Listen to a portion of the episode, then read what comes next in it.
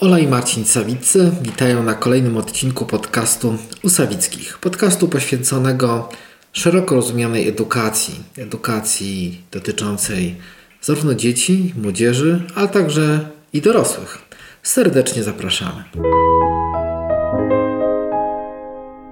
Dzisiejszy odcinek naszego podcastu Usawickich po pierwsze będzie, mm, bez Oli będę prowadził sam niestety, ale postaram się wywiązać z tego zadania. Poświęcimy go yy, takiemu tytułowi, takiemu zagadnieniu książki o sztuce. Yy, w naszych podcastach często pojawia się element książek jako takich przewodników, jako takich mostków, mostów łączących nas z różnego rodzaju czy wiedzą, czy doznaniami, emocjami, wydarzeniami, czy miejscami. Dzisiaj z racji tego, że mm, naszym portalu Edukacja Można Inaczej sporo rozmawiamy też y, i piszemy o sztuce, o uczeniu się sztuki, o poznawaniu jej, y, chcielibyśmy podzielić się takim, takim, takim wątkiem, jak do tej sztuki, jak ta sztuka inaczej docierała do nas, albo jak my dotykaliśmy tej sztuki, gdzie pośrednikiem była książka. Yy, w naszej, yy, proszę się nie martwić, nie notować pod koniec tego podcastu i w ogóle do tego podcastu będzie załączony plik z książkami, o których tu wspomnieliśmy.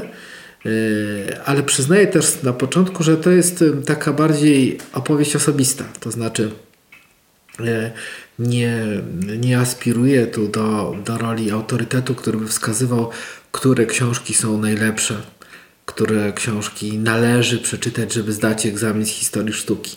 Chcę opowiedzieć o tym, e, jakie, które z tych książek i w jaki sposób wywarły na mnie wpływ albo były dla mnie bardzo ważne e, w, w doznawaniu sztuki, w mojej przygodzie ze sztuką. Dodam na wstępie, że w gro mojego życia, szczególnie młodzieńczego, byłem osobą, która była bardzo odporna na sztukę. Y, robi, robiłem różne rzeczy, które wydają mi się ciekawe, ale generalnie sztuka nie, nie była na liście. Y, ale sztuka pojawiła się dzięki książce. I pamiętam ten jeden z pierwszych momentów, kiedy sztuka się pojawiła dzięki książce tak bardzo znacząco. Pamiętam, jak byłem w liceum w liceum e, byłem na kółku polonistycznym. Nie byłem jakimś wybitnym polonistą, ale bardzo lubiłem naszego polonistę, pana Pawła Waszaka. Waszaka uwielbiałem go, lubiłem słuchać jego lekcji. Robiłem słabe notatki, mało zapamiętywałem, co zapamiętywałem to dobrze, ale generalnie było mi mało i chciałem go jeszcze słuchać i być z nim dłużej, więc zapisałem się na kółko polonistyczne. I do dzisiaj pamiętam, jak pan Paweł na jednym zajęć, na jednych zajęć Zawsze zaczynał od czytania jakiegoś fragmentu książki, który tam przedyskutowywaliśmy. I on yy, zaczął, wziął książkę Waldemara Łysiaka, Wyspy Zaczarowane i opisywał fragment, który opowiadał o wejściu, o zwiedzaniu yy, kaplicy sykstyńskiej. Yy, prawie nic nie opowiadał w tym tekście. No nie, no było tam o, o, o tych freskach i o samej kaplicy, ale mi bardzo, do, bardzo mocno został do dziś taki opis reakcji zachowania turystów, amerykańskich turystów, jak to w tych badaniach naukowych, którzy byli jacyś przed wejściem do kaplicy i gdy wchodzili, coś się w nich zmieniało. I ten opis był tak sugestywny, że zafrapowało mi niezwykle, coż Cóż takiego może powodować człowiekiem, że wchodząc i widząc nad sobą pomalowany sufit, kolorowo, ładnie, yy, coś się takiego wydarza, że on się zmienia. Yy, że zmienia się jego twarz, wyraz twarzy, pojawia się jakaś refleksja czy zamyślenie. Ten opis jakoś siedzi mi do dzisiaj w głowie i w sercu. I przyznaję, przyznaję, że jeżeli miałbym zastanawiać się, jaki był mój taki przedpokój, E, jakaś taka, taki moment, w którym pomyślałem sobie, że sztuka to może być coś więcej niż e, niż coś dla mnie, niż coś niezrozumiałego, coś co jest w jakichś kategoriach estetycznych, co mówimy, że piękne jest, bo jest, tylko czymś bardziej ważne dla mnie, no to przyznaję, że to jest ten, ten właśnie opis spotkania z kaplicą sykstyńską, który, który jest właśnie w Wyspach Zaczarowanych Łysiaka. Się w ogóle e, lubi pisać o malarstwie, pisze niezwykle obrazowo, sugestywnie. E, pisze tak, także kontrowersyjnie wydaje mi się. Jego z jedną z takich pierwszych książek o sztuce, którą, którą, którą znalazłem zaraz po Wyspach Zaczarowanych, to było MW, Wielka Miłość, gdzie opisywał takie swoje kluczowe obrazy dla niego, które, które, które są w historii malarstwa. No i to się później przekształciło w, w piękne, pięknie, cudownie wydane tomy malarstwa białego człowieka. E, jeżeli to, to, to tam, gdzie poza opowieściami o obrazach e, zadbano o to, aby reprodukcje tam umieszczone były bardzo, bardzo dobrej jakości. E, polecam, aczkolwiek wymaga trochę cierpliwości i, i, generalnie jest to dla fanów stylu Waldemara Łysiaka, którzy to zniosą. Dla tych, którzy nie są fanami może stylu współczesnego Łysiaka, bardzo zachęcam chociaż do, do, Wysp, Zaczaro do Wysp Zaczarowanych, które, które są taką furtką. Jeżeli mówimy o takich furtkach, niezwykłych furtkach, dzięki którym można jakby wchodzić w ten świat sztuki, to może zacznijmy takiego z górnego C, ale nie można, mm, y, no ja nie, nie mogę nie zacząć od Zbigniewa Herberta. O ile na swojej liście umieszczałem zwykle pojedyncze tytuły książek i autorów, żeby dzięki y, zerknięciu na listę każdy ze słuchaczy, którzy chcieliby z tego korzystać, sobie szukał dalej książek danego autora, to tu umieściłem akurat dwie książki Zbigniewa Herberta. No, Barbarzyńca w ogrodzie i opowieść o wędrówkach po południu Europy mnie szczególnie frapują tam y, frapuje tam esej dotyczący y, Orvieto. Orvieto i opis dwóch miejsc, mianowicie samej katedry i samego pięknego frontonu i tym, tym płaskorzeźbą, które tam są, a później wejścia i w, do środka i, i, i opisu E, kaplicy, w którym są freski Signorelak. I znowu to jest tak, no ja tu jestem, ja tu jestem zdecydowanie jakimś barbarzyńcą, bo bez, bez Herberta bardzo ciężko było mi się zafascynować tym, co tam jest namalowane. Nie, nie mówię, że ono nie ma, że, że te freski nie ma jakiejś obiektywnej, jakby takiej pięknoty w sobie, ale, ale znowu Herbert staje się tu pewnym kluczem przewodnikiem, dzięki któremu można jakby zanurzyć się w tej historii. No ja, ja na przykład uwielbiam łączyć to, co napisane z tym, co widzę. Przeczytać tuż wejść, tuż przed i wejść z tym tekstem w głowie i przyglądać i szukać tych wszystkich powiązań i tak jakby wtedy wchodzić w ten świat, który jest tam namalowany. Yy, także, także, no i potem oczywiście yy, napić się białego wina w Orvieto w cieniu katedry, to każdy, każdy kto skosztował trochę Herberta, to pewnie yy, próbuje, to, próbuje to robić. No, w dzisiejszych czasach na te 2 euro na kieliszek wina jeszcze jakoś możemy to wyrobić. Ale drugie doświadczenie z Herbertem to jest drugi koniec Europy, można by powiedzieć, północ, mianowicie Amsterdam I w książce, e, w książce Herberta Martwa natura z wędzidłem e, dwa szczególne rozdziały są poświęcone malarstwu. Jeden, który w ogóle opisuje fenomen rozwoju malarstwa w Holandii XVII-XVIII wieku, ale poświęca tam uwagę Torrentiusowi, człowiekowi niez, nie, niezwykłej biografii, którego ostał się jedyny obraz, który był odnaleziony namalowany na beczku, be, wieku beczki, o ile pamiętam. Właśnie to jest ta wspomniana tytułowa Martwa natura z wędzidłem. Po opisaniu, po, po przeczytaniu tego, tego opisanego obrazu, ja y, się, że z Olą jeździliśmy specjalnie po to, wchodziliśmy do Rijksmuseum, żeby stanąć przed martwą naturą z wędzidłem, żeby stanąć przed tą tajemnicą, wpatrywać się w blask tego kieliszka, w litery zapisane na arkuszach papieru, nuty, to, co tam jakby przenika z tej ciemności, y, która jest na części obrazu, to jest niezwykle sugestywne.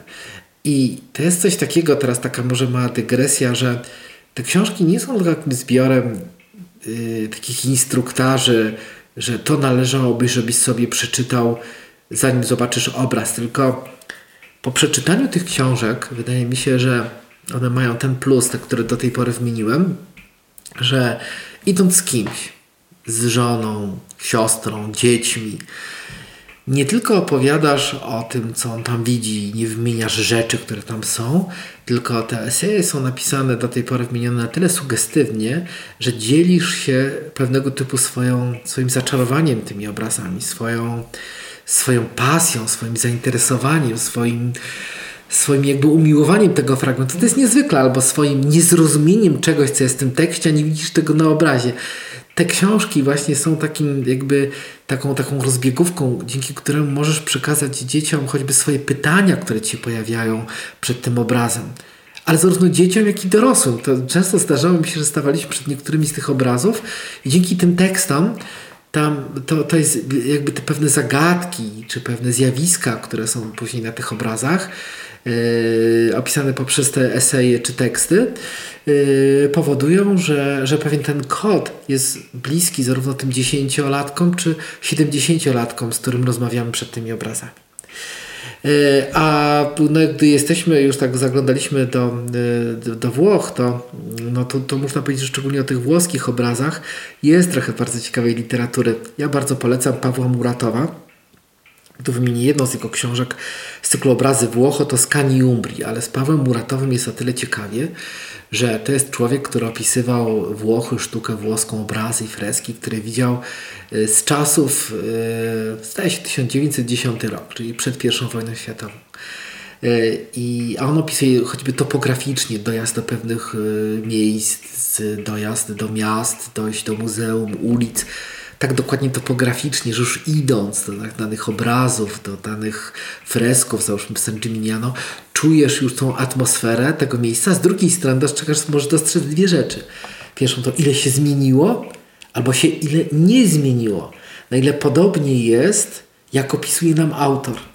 O ile nie jest podobnie, jak gdy opisujesz, dojeżdża dorożką lub od, od pociągu musi jechać e, furą, którą z, z gospodarzem, którego wiezie, wie, wiezie ciągniętym jakimś osiołkiem, no to już czuję, że to senewrati, ale te opowieści z, z 1910 roku i później Pawła Muratowa są niezwykłe. A z drugiej strony jest też ciekawe to, że czytając Muratowa można w jakiejś mierze też być zaskoczonym, jak język, jego język, mimo że minęło 100 lat, jest, jest może, ci, może ci być bliski. Jak jego doznanie, jego odczucia przy tych obrazach, jego refleksje mogą być bliskie Tobie i wielu też opiniom, które czasami zdarzają się, gdy zdarza się nam czytać jakieś książki dotyczące obrazów. Także bardzo polecam wędrówki z Pawłem Muratowym. Kiedyś pamiętam, wymyśliliśmy nawet taki pomysł, żeby jeździć takimi jego tropami, żeby odkrywać, jak te miejsca wyglądają po 100-110 latach od czasu, gdy on napisał te książki. No, pewną też nie. Znowu osobą, która niesie zupełnie inny klimat opowieści, to jest Ewa Bieńkowska. Ewa Bieńkowska, w której taka dygresja, napisała taką książkę o Wenecji. Kamienie Wenecji, tam jakiś taki tytuł, coś w tym stylu. I to jest jedna jedna z książek, które od lat chcę kupić, a nigdzie nie mogę, nie mogę odnaleźć. To jest książka, która po prostu yy, no gdzieś yy, jest tak, tak rozchwytywana, że nie znam drugiej takiej książki, yy, która, która nie byłaby dostępna dla, dla, na żadnych, nie wiem, portalach, na żadnych na żadnych y, aukcjach, na żadnych Allegro. Y, także jeżeli, jeżeli ktoś ma ochotę znaleźć cudowną książkę o Wenecji, y, to po, polecam, żeby, a poza tym no, by, by jakby, no, to, to polecam właśnie poszukać Kamieni Wenecji Bieńkowskiej, ale na szczęście poza tą książką o Kamieni Wenecji ona dużo napisała innych książek, między innymi yy, dla mnie cudow, cudowne historie związane z Florencją.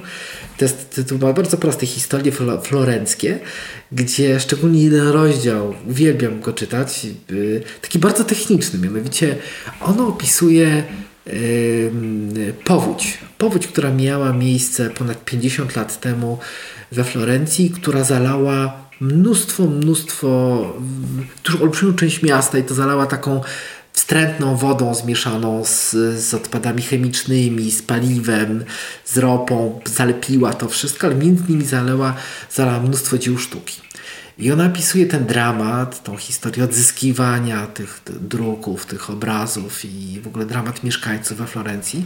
I przyznaje, że usiąść sobie z tą książką na Santa Maria mm, Novella i czytać i jakby mieć w oczach, gdzie ta, ta woda wylewała, co się działo, co, po, co pożerał ten żywioł, a z drugiej strony co wydarzało się wtedy dla naszej kultury, dla naszej cywilizacji, co mogło wtedy zginąć lub zaginąć, a z drugiej strony jaka była wielka mobilizacja świata, żeby później odzyskiwać te rzeczy. Nie, niezwykła opowieść, bardzo taka sugestywna, ale też no, miałem tylko przy Herbercie mówić o jednej książce, ale nie, nie, nie będę w stanie. Można powiedzieć też, że ciekawą historią związaną z Bieńkowską jest jej Rzym. Napisała taką książeczkę Spacery po Rzymie E, I ona będąc w Rzymie odbyła kilka spacerów. My kiedyś z Zolą zrobiliśmy taką akcję, że właśnie odtworzyliśmy te spacery ścieżkami wchodziliśmy do kościołów, do katakumb, do, do różnych miejsc, gdzie, gdzie czytaliśmy te fragmenty i te opowieści. I znowu takie zestawienie, jak wyglądało wtedy, kiedy ona tam była, w latach 60. czy 70 kto sprzedawał bilety, jak to się działo, sympatyczne babcie, które, które zajmowały się, opiekowały pewnymi tam e, urokliwymi miejscami w kościołach. Jak to się dzieje teraz, ale generalnie, co jest najciekawsze, sedno jest ciągle to samo. Pewne sakrum pewnych miejsc, pewna tajemniczość, którą Bieńkowska z taką precyzją opisuje, jest, e, jest zachowana. Także polecam bardzo Ewę Bieńkowską, szczególnie jeżeli chodzi o Florencję, jeżeli chodzi o Rzym, no i oczywiście, jeżeli chodzi o wspomnianą na samym początku Wen Wenecję. No, ale no, jeżeli tak sobie, sobie rozmawiam jeszcze o tych polskich autorach, to, to znowu yy, kimś, kto otworzył dla mnie znowu podwoje malarstwa jeszcze szerzej, to niezwykle, niezwykła popularyzatorka opowieści o malarstwie, wiedzy o malarstwie, wiedzy o malarzach, pani Bożena Fabiani. Pierwszą jej książką, którą przeczytałem, było o sztuce. Okazało się, że później tych gawęd o sztuce napisała dużo więcej. Są teraz takie różne sekwencje. Można kupić książkę z wyborem ich według redaktorów najciekawszych gawęd. I uważam, że wszystkie gawędy są pasjonujące. Poświęciła specjalną książkę e, wędrówek po Rzymie. Poświęciła według takiego fajnego klucza na przykład e, historia, w ogóle historia Jezusa i w ogóle zbawienia, Stary Testament, Nowy Testament w obrazach. Y, moim zdaniem w ogóle katechezę można by przełożyć na opowieści o jej obrazach i, i wydaje nam się, że to by byłaby jedna z piękniejszych lekcji kultury i religii zarazem, jaka, jaką moglibyśmy sobie chyba e, tu przygotować. Ja, ja, ja przyznaję, że na przykład nie kocham włoskiego baroku, ale gdy e, właśnie pani Fabiani opisuje barokowy Rzym, uzasadnia, dlaczego on taki jest, jaki on był, co w nim się działo, i historię o Caravaggiu, jego osobowości, jego obrazach, to przyznaję, że to była chyba jedna z pierwszych jedynych na razie osób, która mnie zdołała do tego baroku w jakiś sposób przekonać. Yy, a to też jest cudowne, że ktoś za pomocą słowa książki przekonuje, może przekonać nas do czegoś, czego wydaje nam się, że nie lubimy, a jednak odnajduje jakiś sposób, żeby nas zanęcić, jakby nam pokazać jakby tak, tak powiedzieć, zauroczyć tym barokiem, które wydaje się, że z jakichś powodów do tej pory na przykład przeze mnie był nie za bardzo lubiany.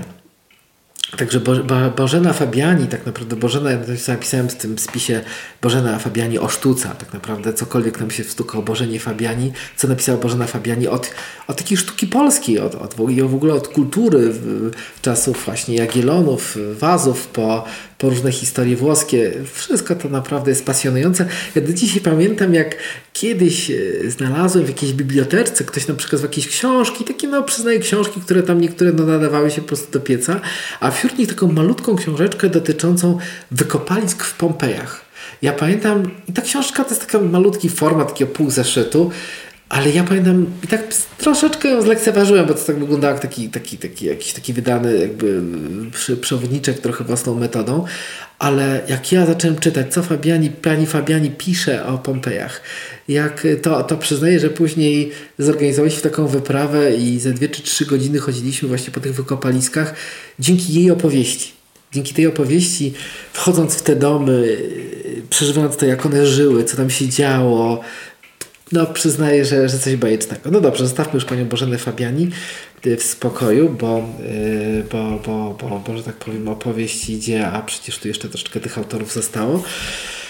I teraz też dużo o sztuce można się dowiedzieć poprzez wspomnienia.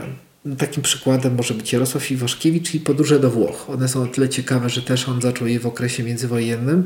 Jednym z, z ciekawszych fragmentów dla mnie było to, jak on wspomina swoją wizytę w San Gimignano.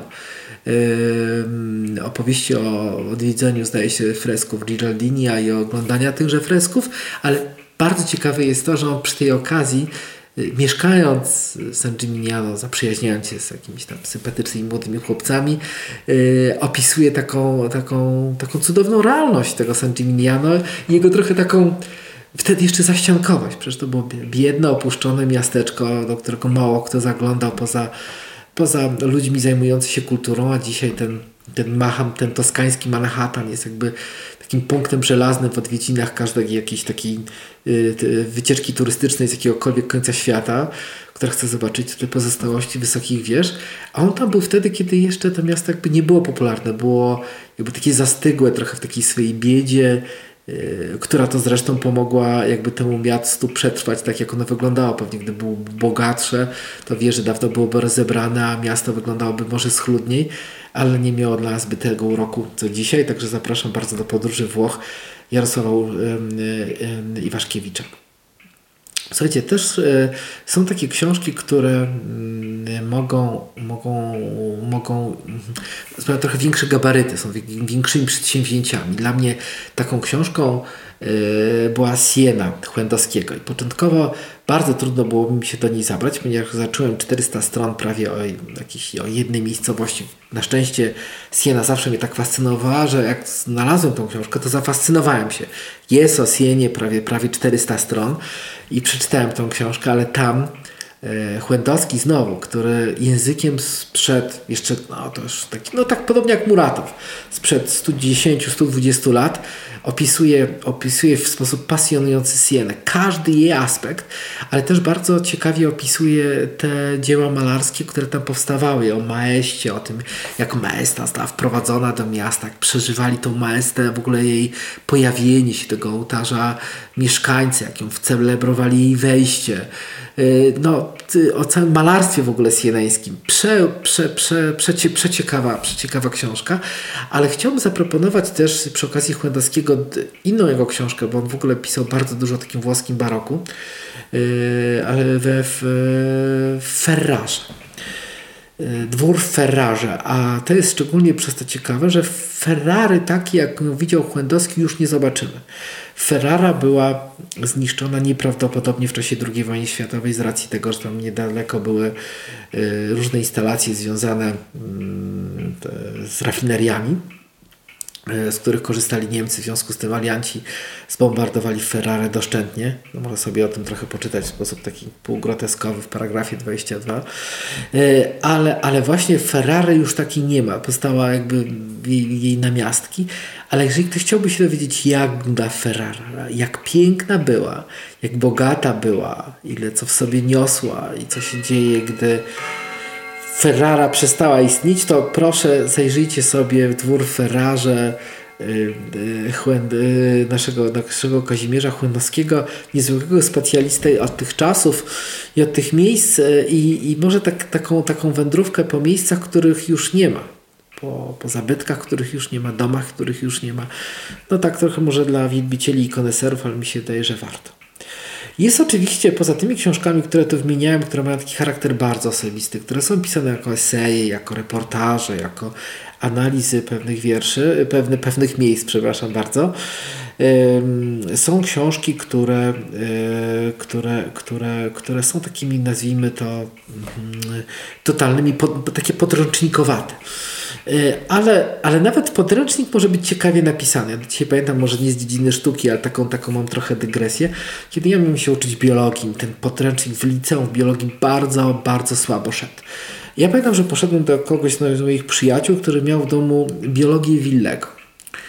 E, I ta biologia Willego to był taki du duży bryk, ale w jednej książce. Ja sobie pomyślałem, amerykański nauczyciel napisał biologię, zobaczymy jak on będzie pisał o tym, o czym mamy opisane w podręczniku. Ja do dzisiaj nie wiem, czy to było napisane dużo lepiej czy gorzej, ale generalnie było napisane tak, że mi to dużo lepiej weszło. Ja zafascynowałem się Willem. Ja przeczytałem prawie całą jego biologię. Nie mogłem przebrnąć przez podręcznik do biologii, który był dla licealistów, pisany w miarę jakimś, wydaje mi się, językiem, gdzie autorzy starali się pisać zrozumiale, ale akurat Wille niesamowicie mi jakby podszedł i dzięki temu zdałem to, co miałem zdać z tej nieszczęsnej biologii. Ale i w, podręcz... i, i w opowieściach o sztuce mamy szczęście, że mamy dwóch takich autorów, moim zdaniem przynajmniej. No ja, ja przeczytałem sobie dwóch, pewnie jest ich dużo więcej, yy, których jako podręczniki mogę czytać i czytać ich nieustannie, czytać ich jak książkę. Zacznę od polskiego, znaczy Jan Białostocki, jego Sztuka cenniejsza niż złoto, czyli opowieść o, o całej historii sztuki, nie tylko malarstwa, ale w ogóle sztuki, to, tam dotyczy i rzeźbi, i architektury, ale naprawdę niezwykle ciekawie napisana historia trendów w sztuce, związków między sobą, historii malarzy.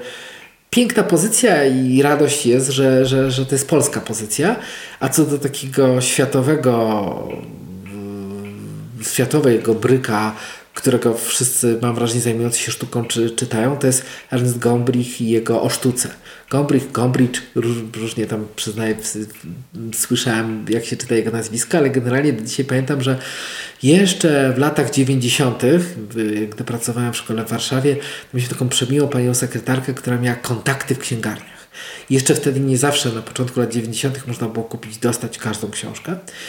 I ona właśnie powiedziała, że ma o sztuce Gombricha i może mi tą książkę tam dostarczyć z tej księgarni. Oczywiście tam odliczyłem pieniądze i to był mój pierwszy egzemplarz o sztuce Gombricha, który dostałem dzięki naszej pani z sekretariatu w, w szkole na Pawsińskiej, także do dzisiaj jakby cieszę się tą książką i tym wydaniem mam ją do dzisiaj. I też pasjonująco napisana, ciekawa, można z nią zwiedzać, tylko są to bardziej tej sztuka cenniejsza niż złoto i o sztuce Gombricha są to takie duże gabaryty, więc jeżeli ktoś planuje raczej z plecakiem, to nie polecam, ale jeżeli już idziemy samochodem, spokojnie można wsiąść. Są oczywiście książki, które, e, które są takie tworzone e, po to, żeby ktoś szybko się nauczył czy poznał historię sztuki. E, jest taka książka Jesse'ego Bryanta Wildera, takiego nazwijmy to Clarksona, jeżeli chodzi o opowieści o, o, o sztuce, że ma być taki dowcipny, sprytny i wesoły i faktycznie tego opowieść jest ciekawa. Historia sztuki dla bystrzaków zostało to tak wydane. Choć ja przyznaję, że mam to i nie wiem, może ja za bardzo zakochałem się w tych takich esejach, trochę rozwlekłych, trochę takich poetyckich. Także historia sztuki dla bystrzaków z jednej strony jest fajna i atrakcyjna, jak ją zaczynam czytać, ale nie potrafię jej przeczytać całej. Yy, tu yy, za bardzo tęsknię za Muratowem, za, za, za Herbertem, za, za panią Fabiani, czy, yy, czy za panią Ewą Bieńkowską, czy Łysiakiem, żeby tak oddać się E, tej pozycji, ale myślę, że dla młodych ludzi, e, jeżeli jacyś rodzice szukają takiej książki ciekawej o sztuce dla nastolatków, to mi się wydaje, że to mogłoby być bardzo ciekawe. Są też takie serie wydawnicze, które są nawet niedrogie, można kupić na Allegro, które też pomagają w zwiedzaniu pewnych miejsc. Rzeczpospolita tu się specjalizuje w tym i wydała takie, takie serie, seria e, klasycy sztuki, na przykład, nie wiem, tam Vermeera, różnych fajnych, jednych bardzo ciekawych i fajnych malarzy, można takie monografii ich kupić i na Allegro to jest dzisiaj można kupić nim po 10 zł. Jak, jak chce się mieć jakiś fajny materiał o jakimś malarzu, no to generalnie to jest bardzo fajne. Albo też kluczem y, muzeów, bo te, te, też nasza Rzeczpospolita wydała taką serię Wielkie Muzea, przykład ja bardzo lubię Gemelt Galerii w Berlinie i, i, właśnie z tą książeczką byłem sobie odwiedzając kiedyś Muzeum, Muzeum Berlińskie. Ono też wprowadzają w to dlaczego, kiedy, w jaki sposób podało w dane muzeum i też sugeruje co uważaliby za najistotniejsze do, jest do obejrzenia w tym muzeum według ich jakiegoś tam klucza. Yy, książkami, go książki, której nie wymieniłem jeszcze do tej pory, która jest dla mnie jakby bardzo ważna, jeżeli chodzi o podróże i jeżeli chodzi o Włochy, a także Londyn, to jest pan Wojciech Karpiński. Wojciech Karpiński napisał też taką książkę z podróży do Włoch, w której e, na przykład ja do dzisiaj pamiętam, jak opisał, jak, jest, jak się wchodzi do katedry w Sienie, to jest e, taki rodzaj sali, kaplicy, takiej pinakoteki, można to nazwać, gdzie jest opis, opisana historia jednego z papieży. Y, I Karpiński opisuje ten obraz, one są w formie nawet takich fresków, fresk po fresku, opowiadającym jaka to jest historia tego papieża, który później, y, później jest ciekawy, bo ten y, papież mm, jako, że urodził się w, w Piędzie, to później jakby bardzo tak zadbał o, o to miasteczko i, i, i je tak bardzo ładnie wyszykował, że można sobie później tam pojechać, ale generalnie Karpiński powoduje, że można sobie wejść z tym jego esejem do tej, do, do, do, do, do tej, do, tej no, do tego pomieszczenia z tymi obrazami poświęconym papie, papieżowi Piusowi chyba, nie wiem, szóstemu, już nie pamiętam któremu y, i, i delektować się i tą opowieścią i tą historią i jakby wpatrywać się po, w poszczególne sceny jak taki komiks sprzed 300 czy 400 lat. E, to w przypadku, nie wiem, wypraw z dziećmi, a nawet dla dorosłych jest, jest taką ciekawą formą. Po prostu dostrzec i dopatrzeć się szczegółów, które są istotne dla przebiegu całej historii, dla takiej narracji dotyczącej całej opowieści. Także Wojciecha Kerpińskiego bardzo, bardzo polecam. E, z takich jeszcze rzeczy, które opisywałem już teraz, właśnie podzieliłem się niedawno E, na portalu e, Edukacja Można Inaczej, e, to znaczy o spotkaniu z obrazem Droga Krzyżowa w Wiedniu, ale poprzez, ale gdzie, gdzie bardzo duże znaczenie dla mnie miało przeczytanie książki Młyni Krzyż, która jest napisana przez dwóch aktorów, autorów, Michaela Francisa Gibsona, który pisze arcyciekawy esej dotyczący y, obrazu Petera Bruegla Droga Krzyżowa, a Lech Majewski z kolei w, rozmowie z Lechem Majskim jest jakby odtwarzana cała historia, jak jego idei zrobienia filmu e, o tym obrazie, który powstał i który można obejrzeć. Więc Młyn i Krzyż znowu jest taką, taką, taką zabawą jakby i formą, i obrazem, i dociekaniem, co tam w zasadzie jest pokazane Y, który pokazał jakby taką wie, wie, wie, wieloperspektywę tego obrazu, jednocześnie pokazuje, co my możemy zrobić z nimi dzisiaj. Może nie każdy od razu zrobi film z obrazu, ale na przykład pamiętam kiedyś na jakichś rekolekcjach my z gimnazjalistami na, zainspirowani i, i tym obrazem, i, i tym filmem, i, i, i tym esejem, zrobiliśmy diaporamę, która miała w jakiś sposób y, w jakiś sposób być też taką improwizacją na temat tego obrazu.